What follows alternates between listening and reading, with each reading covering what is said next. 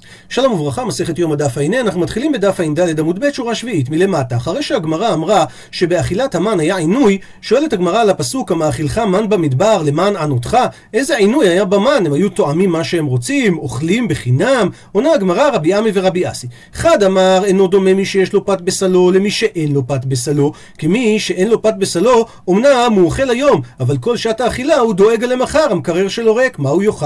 ואחד אמר, דהיינו, או רבי עמי או רבי אסי, מהם אמר, אינו דומה מי שרואה ואוכל למי שאינו רואה ואוכל. כי אם אתה לא משתף את חוש הראייה באוכל, אתה תשבע פחות. ואכן, מכאן, אמר רב יוסף, מכאן רמז לסומים, לאנשים עיוורים, שאוכלים ואין שבעים, כי הם לא משתפים את חוש הראייה. אמר אביי, עוד מסקנה, הילקח, מאן דאית לסעודתה, מי שיש לו סעודה, לא ליכלה שלא יאכל אותה, אלא ביממה, אלא בשעות היום, כדי לשתף את חוש הראייה עם האכילה. אמר רב זעירא, מה יקרא? על איזה פסוק אפשר לסמוך את דברי אביי? פסוק בקהלת, טוב מראה עיניים מהלך נפש. זאת אומרת שהמראה עיניים הוא יותר טוב מהדבר עצמו. אמר ריש לקיש, אפשר לפרש את הפסוק באופן אחר. טוב מראה עיניים באישה יותר מגופו של מעשה. דהיינו, הראייה ההבטה האסורה באישה היא יותר מפתה את האדם יותר ממעשה האיסור עצמו, שנאמר על הפסוק בקהלת, טוב מראה עיניים מהלך נפש, ומכאן לומד התוספות ישנים, לכן צריך להיזהר מאוד מהראייה האסורה. ממשיכה הגמרא ומביאה עוד מחלוקות בין רבי עמי ורבי אסי על פסוקים. פסוק במשלי, כי ייתן בכוס עינו, יתהלך במישרים. רבי עמי ורבי אסי, אחד אמר כל הנותן, הפכנו דף, אינו בכוס, אריות כולם דומות עליו כמישור. דהיינו, מי שאוהב שכרות, אז מתוך שכרות, אריות, הנשים האסורות עליו, הן דומות עליו כמישור. דהיינו, כשטח ללא מכשולים. וחד אמר, כל הנותן אינו בכוסו, כל העולם כולו דומה עליו כמישור. דהיינו, ממון של אחרים דומה לו היתר. עוד מחלוקת, פסוק נוסף במשלי, דאגה בלב איש ישחנה, ודבר טוב ישמחנה. שרבי עמי ורבי אסי, חד אמר יסיחנה מדעתו, וחד אמר יסיחנה לאחרים.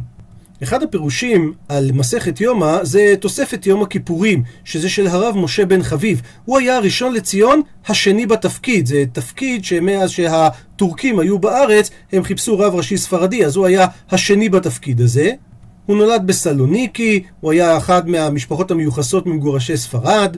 והוא חיבר שני ספרים בנושא שבו הייתה ההתמחות שלו, והם גט פשוט ועזרת נשים, שנחשבים כספרי יסוד בתחום התרת עגונות. וככה הוא כותב: מי שדרש יסיחנה מדעתו, פירוש דאגה שיש לו דאגה על ההפסד שבא לו כבר, אז העצה שהוא יסיחנה מדעתו, יסיח את הדעת מהדבר, כי מה שהיה היה, ומה לו לדאוג על העבר, כי אין לזה תקווה. לעומת זאת, מאן דאמר יסיחנה לאחרים, הכוונה היא דאגה שיש לו פחד שמא יבוא לו בעתיד שום הפסד. לזה נתן לו עצה שיסיחנה לאחרים, שהם אולי ייתנו לו עצה טובה. המחלוקת הבאה של רבי עמי ורבי אסי על פסוק בישעיהו, נקרא אותו בפנים, זאב וטלה יראו כאחד, ואריה כבקר יאכל תבן, ונחש עפר לחמו, לא יראו ולא ישחיתו בכל הר קודשי, אמר אדוני. אז על מה שכתוב, ונחש עפר לחמו. רבי עמי ורבי אסי, אחד אמר, אפילו שהנחש אוכל כל מעדני עולם, הוא טועם בהם טעם עפר. ואחד אמר, אפילו שהנחש אוכל כל מעדני עולם, אין דעתו מיושבת עליו עד שיאכל עפר.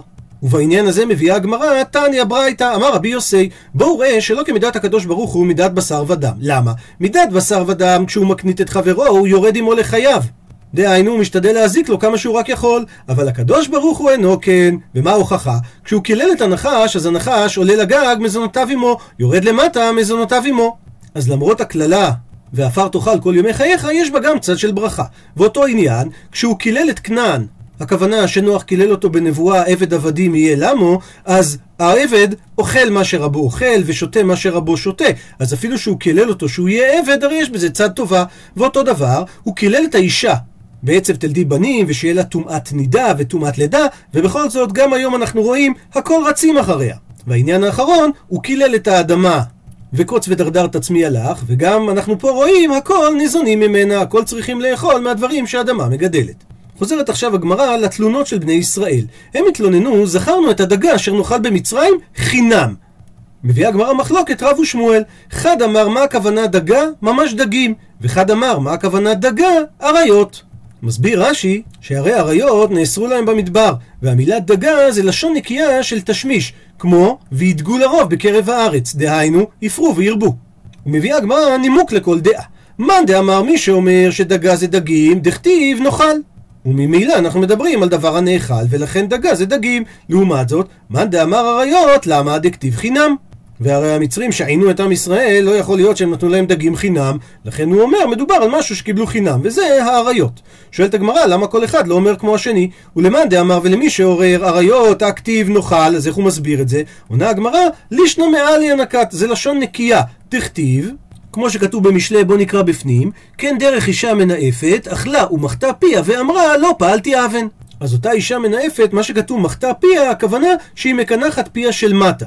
וכמו שפה בפסוק השתמשו במילה פה בהקשר של תשמיש, אז גם בפסוק עם הדגה השתמשו במילה נאכל בהקשר של תשמיש. ולדעה השנייה, ולמאן דאמר שמדובר על דגים, מהי, מה המשמעות של המילה חינם?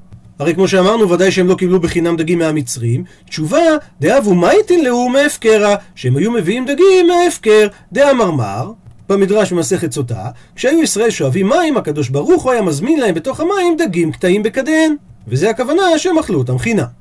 ממשיכה הגמרא להקשות בין שתי הדעות. בישלמה נוח לי להבין למאן דאמר לפי מי שאומר שהם התלוננו על הדגים, אבל על אריות הם לא התלוננו. למה? כי על אריות לא פריצי בו, הם לא היו פרוצים בזה במצרים.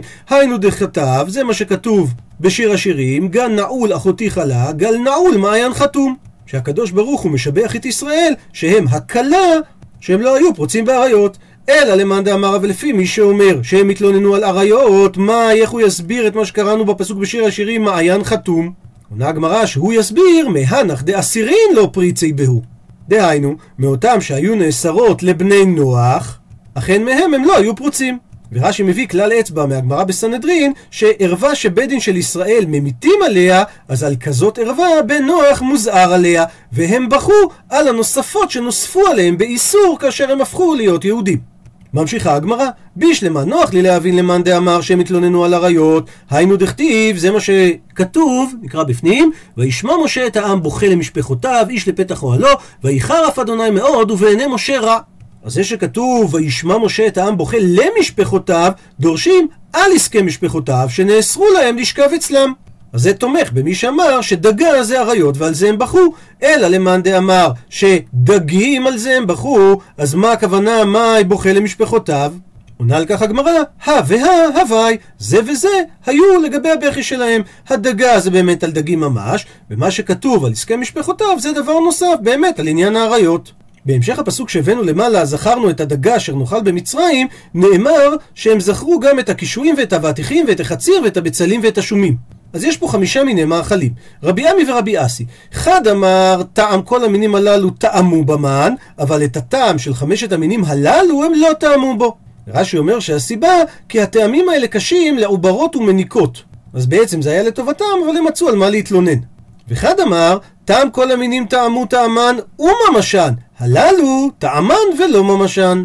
הכוונה, הם כן טעמו את הטעם, אבל לא את הטקסטורה. כנראה שהטקסטורה של הדברים הללו היא זאת שמפריעה לעוברות והמניקות. הפסוק הבא שדורשת הגמרא, ויקראו בית ישראל את שמו מן, והוא כזרע גד לבן, וטעמו כצפיחית בדבש. ועל זה אמר רבי אסי, שגד הכוונה שהוא היה עגול כגידה, ולבן הכוונה שהוא היה לבן כמו מרגלית. מסביר רש"י, זרע הגד אינו לבן, אז אי אפשר להגיד שהמילה לבן מתייחסת לזרע הגד, אלא עניין של העגול זה מה שמתייחס לגד, ואחי כאמר קרא, וככה אומר הפסוק, שהמן היה עגול כזרע גד, ועניין הלבן שהצבע שלו היה לבן כמרגלית.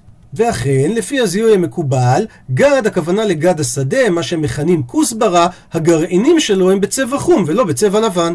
וממשיכה הגמרא, לפי התיקון של מסורת הש"ס תנור הבנן, גד שדומה לזרע פשתן בגבעולים. שגם הוא עגול. דרשה אחרת, אחרים אומרים, גד שדומה להגדה, שמושכת ליבו של אדם כמים. זאת אומרת, שלפי אחרים, אנחנו דורשים את המילה גד להגדה, ואת המילה לבן לגבי מושכת ליבו. כמו שדברי הגדה מושכים את אדם לדברי תורה, שנמשלו כמים, באותו אופן, המן היה מושך את האדם לאכול אותו. תניא אידך, ברייתא אחרת אומרת שהמילה גד הכוונה שהמן שמגיד להם לישראל היא בין תשעה לראשון והיא בין שבעה לאחרון. מסביר רש"י נאמר וימודו בעומר, זאת אומרת, בין אם ליקטת הרבה, בין אם ליקטת מעט, אתה היית מוצא כמות של עומר לגולגולת. אז אם נמצא יותר בבית הראשון, ידוע שבין התשעה לראשון הוא, ואם בבית האחרון היה נמצא, בידוע שבין האחרון הוא. רש"י מתכוון למקרה שאישה התגרשה מהאדם הראשון, והתחתנה עם האדם האחרון, בלי לחכות שלושה חודשים ביניהם. והנה היא נכנסה להיריון, ואנחנו לא יודעים כשהיא ילדה בחודש השביעי, האם זה בעצם הריון מלא רק זה שייך לבעל הראשון, זה הכוונה תשעה לראשון, או היא ילדה לידה מוקדמת, שבעה לאחרון, אז המן היה עוזר לנו לדעת למי זה שייך. כי איפה שמוצאים את המן, זה אומר ששם הילד הזה זה הבית שלו. וממשיכה הברייתא, לבן, הכוונה שמלבין עוונותיהם של ישראל, כי כמו שראינו, יש עינוי באכילת המן, או בגלל שהם דואגים על למחרת, או מסיבות שנראה בהמשך. תניא רבי יוסי אומר, כשם שהנביא היה מגיד להם לישראל מה שבחורין ומה שבסדקים, כך המן מגיד להם לישראל מה שבחורין ומה שבסדקים. הוא מפרט, כיצד? שניים שבאו לפני משה לדין. זה אומר, עבדי גנבת, וזה אומר, מה פתאום, אתה מכרתו לי. אמר להם משה, לבוקר משפט. דהיינו, חכו לבוקר, ואז אני אגיד לכם את הפסק. למחר, אם נמצא אומרו של העבד בבית רבו ראשון, אז בידוע שזה שייך לשם, וממילא שזה השני יגנבו. אבל אם נמצא אומרו של העבד בבית רבו שני, אז בידוע שזה מחרו לו. ועוד דוגמה, וכן, איש ואישה שבאו לפני משה לדין. זה אומר, היא סרחה עליי, והיא אומרת, מה פתאום, הוא סרח עליי. אמר להם משה לבוקר משפט, למחר, אם נמצא אומרה בבית בעלה, בידוע שהיא סרחה עליו, ואם נמצא אומרה בבית אביה, בידוע שהוא סרח עליה. בגמרא שמופיעה בעין יעקב, מביאים גרסה בדיוק הפוכה. שאם נמצא העומר שלה בבית בעלה, בידוע שהוא סרח עליה, ואם נמצא העומרה בבית אביה, בידוע שהיא סרחה עליו. הוא מפרש הבן יהוידע באופן הבא: נראה ששני הגרסאות אמת. אלא שהנוסחה הראשונה טוענת האישה שהבעל מכה אותה ומצערה והוא אומר שהיא משקרת בזה והיא רוצה לדבר על הדברי כזבים. לכן אם נמצא העומר שלה בבית אביה אז בידוע שהוא סרח עליה ואמת הם דבריה הוא מכה אותה ומצערה. לכן צריך שתשב בבית אביה ולא תבוא לביתו עד שיפייסנה ויהיה לה אומן מצידו ששם מדרכו הרעה. אבל אם העומר שלה נמצא בבית בעלה, אז בידוע שהיא סרחה עליו לדבר עליו כזבים ושקרים, והראו מן השמיים שצריכה להיות יושבת תחת בעלה ולא תמרוד בו ללכת בית אביה, כי הוא לא חטא לה כלל. לעומת הנוסחה השנייה, שהיא הפוכה, והיא מדברת היכן שיש ביניהם דין ודברים בעניין זנות, שסרחון זה הוא עניין של זנות, שהוא אומר זינתה והיא אומרת סרח עליה, דהיינו הוא מוציא עליה שם רע בשקר, במצב כזה, אם אומרה בבית בעלה, בידוע שסרח עליה בדברים הללו, כי זה אומר שהיא טהורה והוא ראויה לשבת תחתיו, אבל אם העומר שלה נמצא בבית אביה, אז בידוע שהיא סרחה וזינתה, ולכן היא צריכה לפרוש ממנו ולשבת בבית אביה כנעוריה. מביאה עכשיו הגמרא סתירה בין שלושה פסוקים. כתיב וברדת הטל על המחנה לילה ירד המן עליו, זה אומר שהמן ירד בתוך המחנה. וכתיב ויצא העם ולקטו, זה אומר שהעם היו צריכים לצאת. וכתיב שתו העם ולקטו, ושתו זה הרבה יותר מיציאה, הרבה יותר רחוק. הכיצד? אז התשובה היא, צדיקים ירד על פתח ביתיהם, בינוניים יצאו ולקטו, רשעים שתו ולקטו, דהיינו הלכו רחוק. מביאה הגמרא עוד סתירה לכאורה בפסוקים. כתיב לחם, דהיינו שהם היו מקבלים לחם מוכן, ככה המן היה מגיע, וכתיב פעם אחת את המילה עוגות, דהיינו הם היו מקבלים את המן כעיסה, היו צריכים עדיין להכניס אותו לתנור לאפייה, וכתיב ותחנו, דהיינו שהם היו צריכים להכין את כל התהליך מההתחלה. עונה הגמרא הכיצד? צדיקים היו מקבלים לחם, בינוניים היו מקבלים עוגות, והרשעים טחנו ברחיים. מופיע בפסוק בהמשך, עוד דחו במדוכה.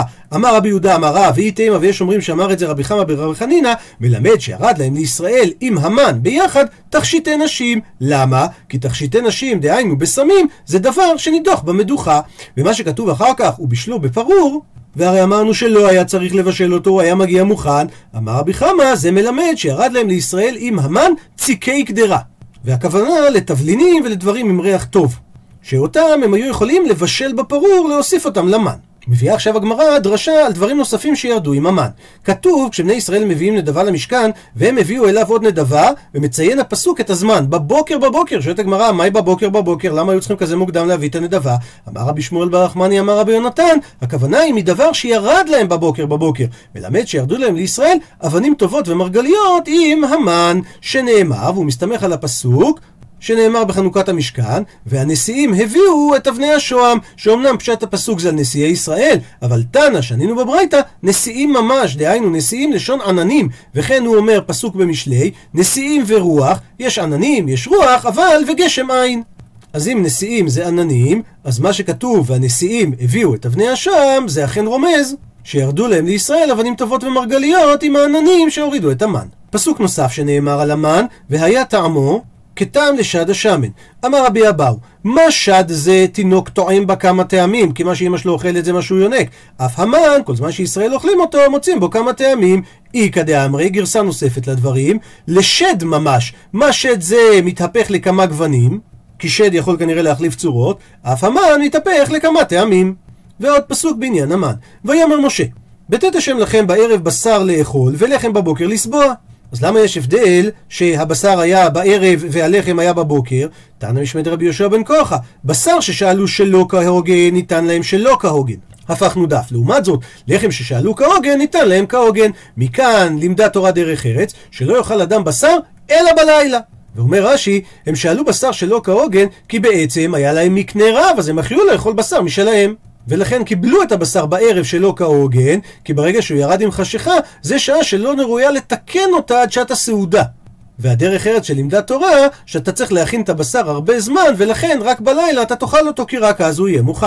שואלת הגמרא, איך זה יכול להיות? ואמר אביי בדף הקודם, היי מאן דאית לסעודתא, מי שיש לו אוכל, לא לאח לאלה ביממה, שלא יאכל אותו אלא בשעות היום. עונה הגמרא, כעין יממה כאמרינן. גם אנחנו התכוונו דומה ליום, דהיינו שיאכל אותו לאיזשהו אור, כדי לשתף את חוש הראייה עם האוכל. אמר רב אחא בר יעקב, בתחילה היו ישראל דומים כתרנגולים שמנקרים בהשפעה, דהיינו שהם אוכלים בכל רגע נתון שאפשר, עד שבא משה וקבע להם זמן סעודה. כמו שראינו בפסוק, בבוקר ובערב. ולעניין הבשר שהם שאלו שלא כהוגן, פעם אחת כתוב שהבשר עודנו בין שיניהם, ואז הם מתו, וכתיב, פסוק אחד אומר, עד חודש ימים. אז איך מתקיים הפסוק שהם אכלו עד חודש ימים אם הם מתו כשהבשר עודנו בין שיניהם? הכיצד? אומרת הגמרא, בינונים הם נענשו לאלתר מתו. לעומת זאת הרשעים היו מצטערים והולכים עד חודש ימים. פסוק נוסף שנאמר לגבי הסלב, כתוב וישתחו להם שטוח סביבות המחנה. אמר יש לקיש, אל תקראי וישתחו, אלא וישחטו. מכאן מלמד שהתחייבו שונאיהם של ישראל, זה לשון סגי נאור, דהיינו ישראל עצמם, שחיטה. ומה שכתוב בפסוק, וישתחו להם שטוח, תנא משמי דרבי יהושע בן כורחה, אל תקרא שטוח, אלא בחילוף אותיות שחוט, מלמד שירד להם לישראל עם המן דבר שטעון שחיטה. זאת אומרת שהפסוק מלמד שהסלב הוא דבר שהיה צריך לשחוט אותו. שואלת הגמרא, אמר רבי, וכי מכאן אתה למד? זה המקום ללמד אותך שהסלב הוא עוף שחייב שחיטה? והלא כבר נאמר, פסוק בתהילים שמדבר לגבי הסלב, וימטר עליהם כעפר שאר, וככל ימים עוף כנף. ותניא רבי אומר, שמה שנאמר בספר דברים, וזבחת מבקרך ומצונך אשר נתן השם לך כאשר ציוויתיך, מלמד, הרי המילים כאשר ציוויתיך הן מיותרות לכאורה, אז מלמד שנצטווה משה כל מיני הלכות בתורה שבעל פה, על הוושת ועל הקנה, ועל רוב אחד בעוף ועל רוב שניים בבהמה.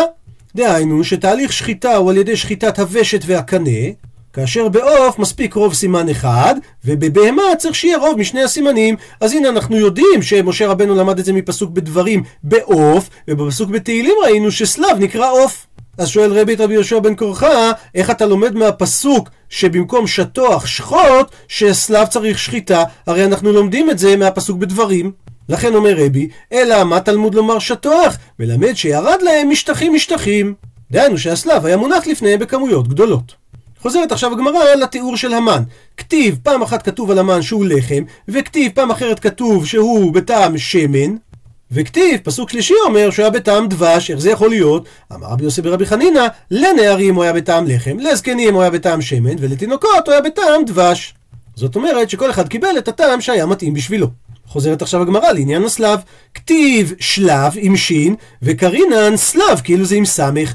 אמר רבי חנינא, צדיקים היו אוכלים אותו בשלווה, רשעים היו אוכלים אותו ודומה להם כסילבין. דהיינו כקוצים. לכאורה לא מובן, הרי אנחנו יודעים שהם מתו כשהם אכלו את הסלב, אז מה מדובר שהרשעים היו אוכלים ודומה עליהם כקוצים? אלא צריך לזכור שירידת הסלב מתוארת פעמיים בתורה. פעם אחת בספר שמות פרשת בשלח, פעם שנייה בספר במדבר פרשת בעלותך. על הפעם השנייה מבואר שהם מתו, על הפעם הראשונה לא מבואר שהוא מתו. וזה החידוש של רבי חנינא, שהוא אומר שגם בפעם הראשונה הרשעים היו אוכלים אותו כקוצים. אמר רבי חנן ברבא, ארבע מיני סלבן, ואלו הן, שכלי וכבלי ופסיוני וסלב, אנחנו לא יודעים בדיוק מה זה ארבעתם, אנחנו כן יודעים מה זה סלב. ואומר רבי חנן ברבא, שמעל ידקולו, המין הכי טוב מהם זה השכלי, וגריה דקולו, המין הכי גרוע מארבעת המינים האלה זה הסלב, אבל גם הוא, הווה כציפורתא. הוא כמו ציפור קטנה, ומוטבינן לה בתנורה, מכניסים אותו לתנור, וטפח, הוא טופח, והווה מה לתנורה, הוא טופח כל כך שהוא ממלא את כל התנור.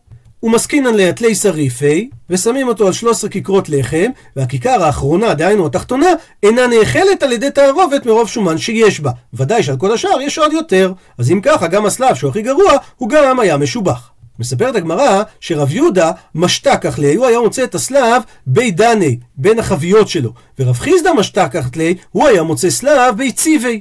בין העצים במחסן העצים שלו. רבא, מה הייתי להריסה כל יומא? האריס היה מביא לו כל יום סלב לאכול מהשדה. יום אחד לא הייתי, יום אחד לא הביא לו האריס סלב. אמר, מאי היי? אז רבא ישר אומר, רגע, מה קורה פה? סליק לאיגרא. עלה רב על הגג כדי לשמוע מה קורה בסביבה, ושם אלי ינוקה, והוא שמע תינוק גורס את הפסוק, דקאמר, שמעתי ותרגז בטני. דהיינו, יש איזושהי שמועה שגורמת לזה שלא יהיה לי את הסלב, לא יהיה לי אוכל.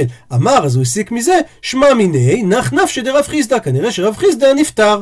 ורבא, הוא היה החתן ותלמיד של רב חיסדא.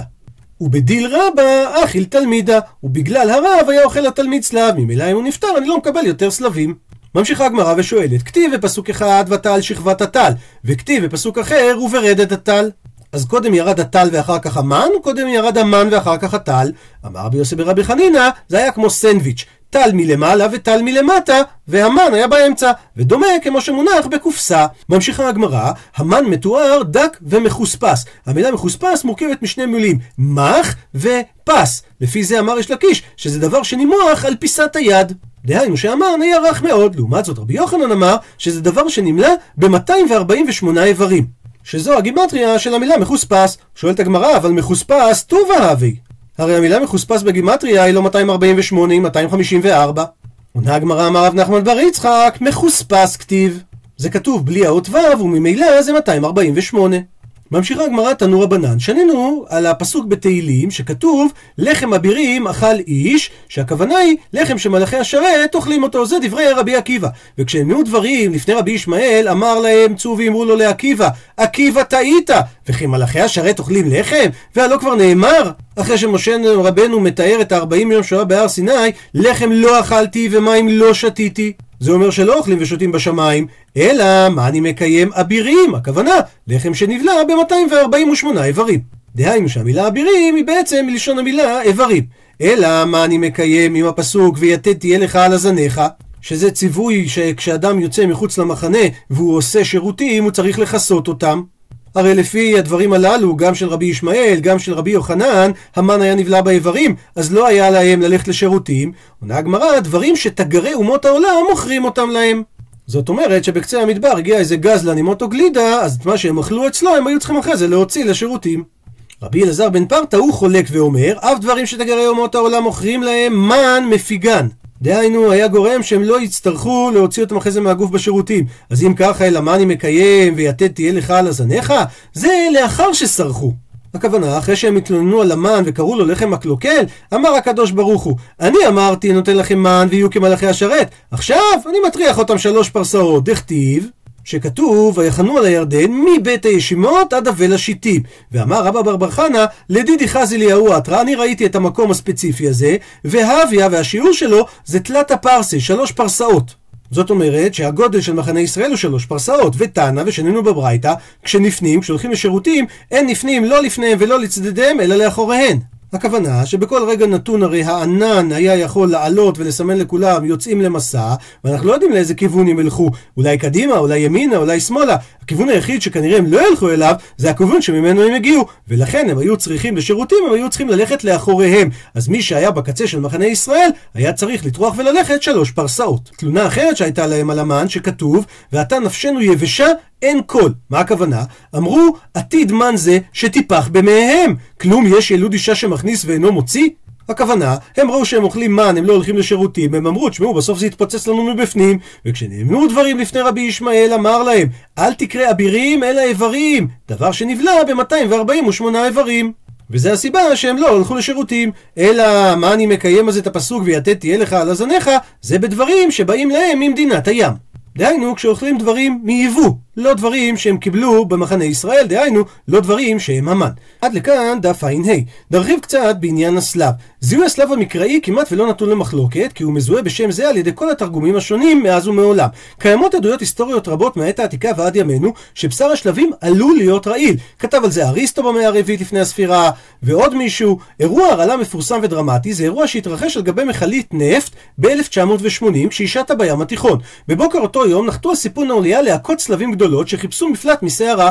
המלאכים, שנמאס להם מקופסאות השימורים שהם אכלו תקופה ארוכה, ערכו סעודה של סלבים. כעבור 12 שעות רבים מבין המלאכים לקו בהפרעות נשימה ודיבור, הקאות ושיתוק בגפיים התחתונות, שזה סימפטומים שנובעים כתוצאה מנזקים שנגרמו לשרירי השלד. שלושה מבין אנשי הצוות מתו, והשאר הצליחו בקושי להשית את המכליות לנמל הקרוב. אירוע זה מאוד דומה למה שהזכרנו בספר במדבר, הבשר עודנו בין שיניהם טרם יכרת, ואף השם חרה בעם, ויח השם בעם מכה רבה מאוד. ההסבר המקובל על החוקרים, שמדובר בנדידת האביב של הסלבים, ועיקר רעילות הסלב היא בעונה הזאת. על פי הסברה שמקור הרעילות זה חומרים שמשתחררים בעת התעופה, אז על רעילות הסלבים ניתן להתגבר על ידי זה שמחזיקים אותם בכלובים במשך כמה ימים. במהלך הימים האלה מתפרקים החומרים הרעילים, ומתפוגג הטעם המר. ממילא אפשר להסביר שבני ישראל חטאו בחטא התאווה, הם מיהרו לאכול את הסלבים, בעוד הבשר של הסלבים ספוג ברעל.